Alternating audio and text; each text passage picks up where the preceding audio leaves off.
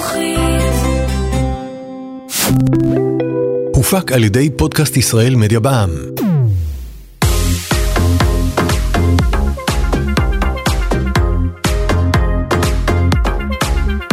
שוות להכיר.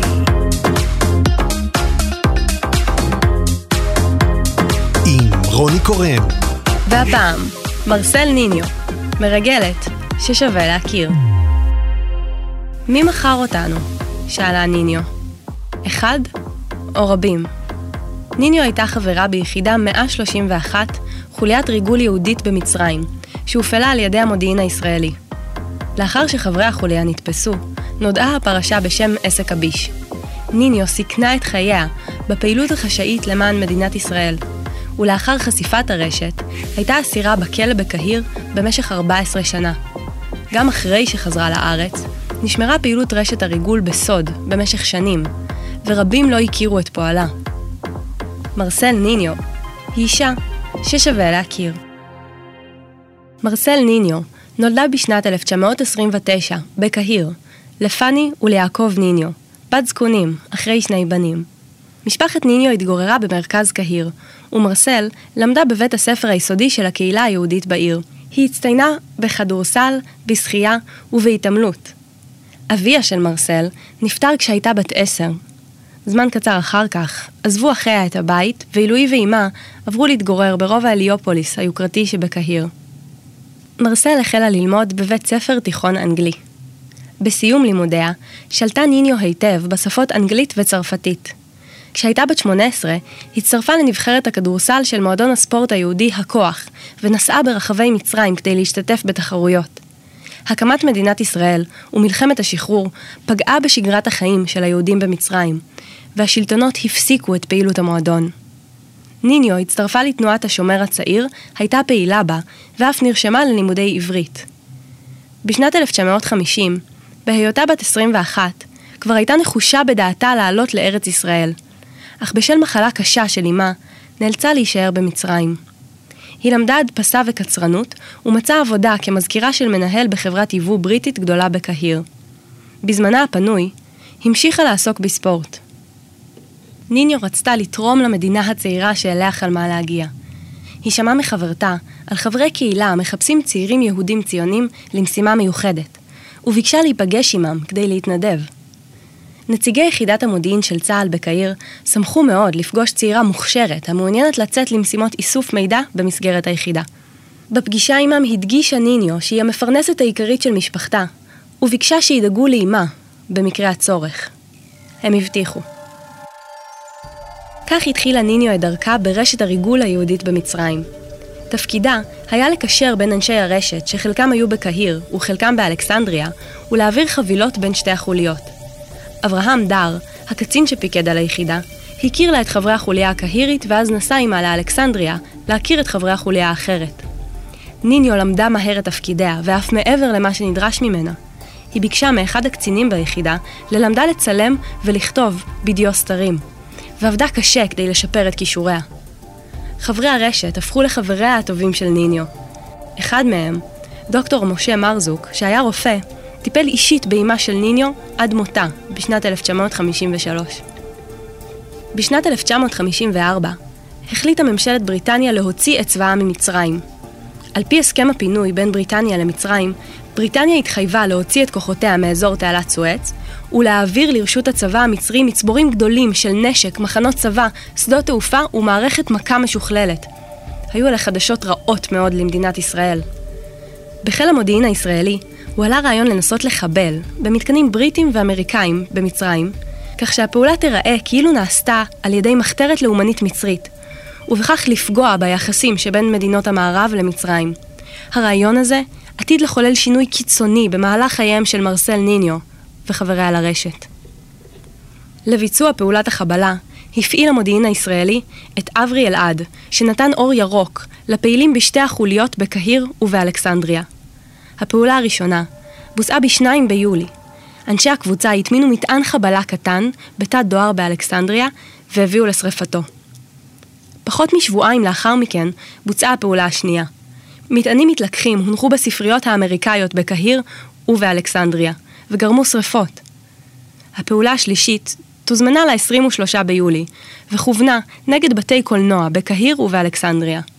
על מדרגות קולנוע ריו התלקח מטען תבערה בטרם עת בכיסו של פיליפ נתנזון. הפעולה נכשלה, ונתנזון נעצר במקום. באף אחד מהמקרים לא גבו פעולות החבלה האלו קורבנות בנפש. מכיוון שחברי החוליה הכירו זה את זה היטב, והיו בקשרי חברות, הצליחו המצרים לעלות על עקבותיהם בקלות. חברי התא מאלכסנדריה נעצרו בזה אחר זה, ואחריהם גם אנשי התא הקהירי. היחיד שלא נעצר היה אברי אלעד, שעלה לספינה לאירופה. לאחר שנים, התברר שבגד באנשיו.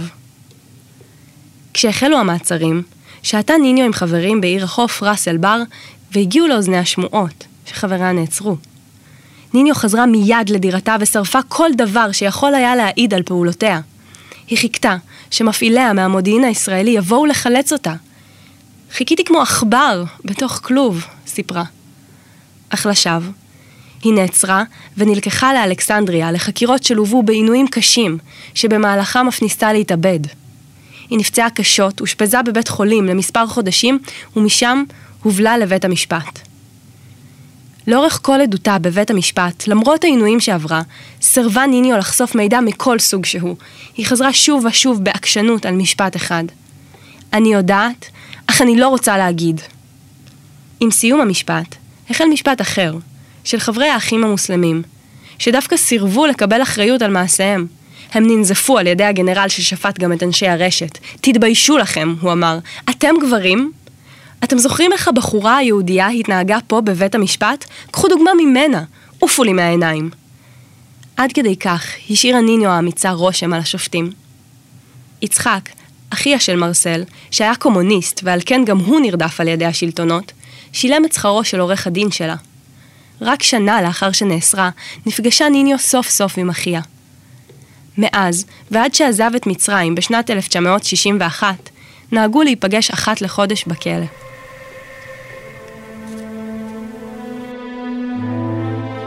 ניניו נידונה ל-15 שנות מאסר. היה זה העונש החמור ביותר שהוטל על אישה במצרים עד אז. יתר חברי הרשת נידונו אף הם לתקופות מאסר ממושכות עם עבודות פרך. משה מרזוק ושמואל עזר, מפקדי החוליות בקהיר ובאלכסנדריה, נידונו למוות בתלייה. מקס בינת התאבד בתאו במהלך המשפט, ואברי אלעד, המפעיל שברח לאירופה, נתפס ונשפט בישראל באשמת מגע עם סוכן זר ומתן עדות שקר. הוא נידון ל-12 שנות מאסר, שהופחתו בערעור לעשר שנים, שאותן ריצה בבידוד בכלא רמלה. הצנזורה הצבאית בישראל הטילה איפול כבד על פרסום פרטי המקרה. בארץ דווח על הכישלון רק במגבלות הצנזורה, בכינויים מרומזים כעסק הביש והפרשה, וכך נותר העניין במשך שנים רבות. אפילו 13 שנים לאחר האירוע, תיארה אותו האנציקלופדיה העברית במילים הסתומות, פעולה ביטחונית, מפוקפקת מבחינה מדינית ומוסרית, שנערכה בצורה כושלת בקיץ 1954 בחו"ל, ושעלתה בחייהם של כמה יהודים, גרמה נזק מדיני לישראל ופגמה בכבודה. לאורך כל השנים האלה, ניניו הייתה כלואה בבית סוהר בקהיר, עדיין מקווה שממשלת ישראל תתערב ותחלץ אותה. בעוד שחברי הרשת הגברים היו בכלא יחד, היא התמודדה לבדה עם החיים בכלא הנשים. בהיותה ציונית שנשפטה באשמת ריגול לטובת ישראל, הייתה מרבית הזמן מבודדת מיתר האסירות הפוליטיות, קומוניסטיות ברובן. מעת לעת הצליחו החברים ליצור עמה קשר באמצעות מכתבים וידיעות שהעבירו אסירים אחרים. במהלך מאסרה, הקימה ניניו בכלא קבוצת כדורסל לאסירות, יזמה שיעורי ריקוד ושיעורי סריגה, ואף שימשה כאסיסטנטית לרופא בית הסוהר. אנשי הקהילה היהודית בקהיר ביקרו אותה לעיתים, ובכל חודש העבירו כספים לחשבונה בכלא, שבעזרתם יכלה להשיג מזון ולשרוד. כשהיא עדיין מחכה שמדינת ישראל, אשר למענה הקריבה ניניו כל כך הרבה, תיחלץ לעזרתה. בשנת 1956, לאחר מבצע קדש, הוחמצה הזדמנות נדירה לשחרר את ניניו וחבריה. בין 5,000 השבויים המצרים שהיו אז בידי ישראל, היה גם מושל עזה, ששנתיים לפני שפט את חברי הרשת וגזר את דינם. מסיבה לא ברורה, לא ביקשה ישראל לכלול את אסירי הפרשה בעסקת חילופי השבויים. תמורת 5,000 השבויים המצרים, הוחזר שבוי ישראלי אחד. הטייס, יונתן אטקס, לימים סיפרה ניניו שבאותה התקופה נסתבר בליבה משקע כה עמוק של מרירות, שעד היום לא חלף כליל. מעולם לא ניתנה תשובה לשאלה מדוע החליטה מדינת ישראל לא לכלול את אסירי הפרשה בעסקת חילופי השבויים. יש המעריכים שהם הופקרו במתכוון כדי למנוע את פתיחתה מחדש של פרשת עסק הביש בישראל, ואילו אחרים חושבים שהייתה זו פשוט רשלנות. לאחר מלחמת ששת הימים, נעו אסירי הפרשה וניניו ביניהם בין תקווה לייאוש, בחשש מפני אכזבה נוספת. ניניו מספרת במלחמת קדש קיווינו שנחלף בשבויים, שעימם נמנע גם מי ששפט אותנו. במלחמת ששת הימים שוב שמענו על חילופי שבויים, ושוב באה האכזבה. לכן כשבא יום השחרור לא האמנתי. לאחר מלחמת ששת הימים, היו בידי מדינת ישראל יותר מחמשת אלפים שבויים מצרים. בידי המצרים היו 13 חיילים שבויים, ארבעה מאסירי פרשת עסק הביש שטרם סיימו לרצות את מאסרם, זאב גור אריה, שנשפט למאסר עולם על ריגול לטובת ישראל, ואשתו, שנשפטה לשלוש שנות מאסר. נאצר, נשיא מצרים דאז, התעקש לשחרר רק את 13 החיילים, ושר הביטחון משה דיין היה בדעה שיש להסכים לחילופי חיילים שבויים מול חיילים שבויים. אך למזלם של אסירי הפרשה, ראש המוסד דאז, מאיר עמית, איים בהתפטרות אם לא ישוחררו כל האסירים. הוחלט לשלוח מכתב לחיילים השבויים במצרים דרך הצלב האדום, ולברר אם הם מסכימים לעכב את שחרורם עד שיוסדר עניינם של אנשי הפרשה. השבויים הסכימו. בשנת 1968 הוסכם סוף סוף על שחרורם של ארבעת אסירי הפרשה שנותרו בכלא. מרסל ניניו, רוברט דסה, ויקטור לוי ופיליפ נתנזון, ועל שחרורם של זאב גור אריה ואשתו. ב-12 בפברואר הם הגיעו ארצה, כשניניו בת 39, לאחר 14 שנים שהייתה כלואה במצרים. כשהגיעה לישראל, הוענקה לניניו דרגת סגן אלוף בחיל המודיעין. היא למדה עברית באולפן, ולאחר מכן ספרות אנגלית ואמריקאית ותולדות האומנות באוניברסיטת תל אביב. בשנת 1971 התחתנה עם אלי בוגר, רבים מראשי המדינה הופיעו לחתונה. מתחת לחופה עמדו הרב הראשי לישראל שלמה גורן, ראש המוסד מאיר עמית ובכירים אחרים. השושבינה, גולדה מאיר, התבקשה לומר דברי ברכה לזוג, והדהימה את כולם. היא לא הסתפקה בברכה שגרתית, אלא חשפה לראשונה באופן פומבי, גם בפני התקשורת שנכחה באירוע, שאסירי עסק הביש, ובכללם ניניו, הגיעו לישראל.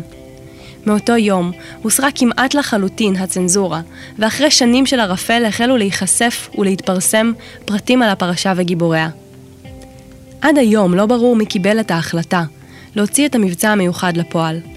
לפי עדותו של ראש אמ"ן, בנימין גיבלי, הוא קיבל הוראה משר הביטחון פנחס לבון להפעיל את שתי החוליות שנבחרו למשימה כדי לעכב את ההסכם על פינוי סואץ. לבון מצידו הכחיש את גרסת גיבלי וטען כי לא שוחח על נושא זה עם ראש אגף המודיעין בצה"ל אפילו פעם אחת. בשנת 1988 כובדה מרסל ניניו בהדלקת משואה בליל יום העצמאות. היא השתתפה מעת לעת בפגישות השנתיות של המרכז למורשת המודיעין. שאלה מרכזית נותרה עדיין לא פתורה. מי נתן את ההוראה להפעלת הרשת, אף שלא הוכשרה למשימות חבלה? לפרשה היו השלכות פוליטיות מרחיקות לכת, ראש אמ"ן, אלוף משנה בנימין גיבלי ושר הביטחון פנחס לבון הודחו. ממשלות נפלו בעטיה, קריירות של מדינאים ואנשי צבא נקטעו בגינה ואפילו ראש הממשלה דוד בן גוריון נאלץ להתפטר בעקבותיה. בריאיון שנערך בינואר 2016 עם ניניו ועם רוברט דסה, אמר דסה שהשאלה שצריכה להישאל היא לא מי נתן את ההוראה, אלא מדוע ניתנה ההוראה. מרסל ניניו היא אישה נועזת ואמיצה, שהתנדבה לסכן את חייה לטובת מדינת ישראל. גם כשהייתה בכלא, בתנאים קשים, מצאה ניניו דרכים יצירתיות להשפיע לטובה על סביבתה, ולמרות האכזבה הכבדה, לא הרשתה לעצמה לשקוע בדיכאון. למרות הטראומה הקשה בעקבות המאסר והעינויים, הצליחה מרסל ניניו לשקם את חייה בארץ, הגשימה את חלומה להקים משפחה. היא הייתה נשואה לאלי בוגר 40 שנה, והשתדלה לחיות חיים נורמליים. היא עבדה, למדה והקימה משפחה בארץ ישראל.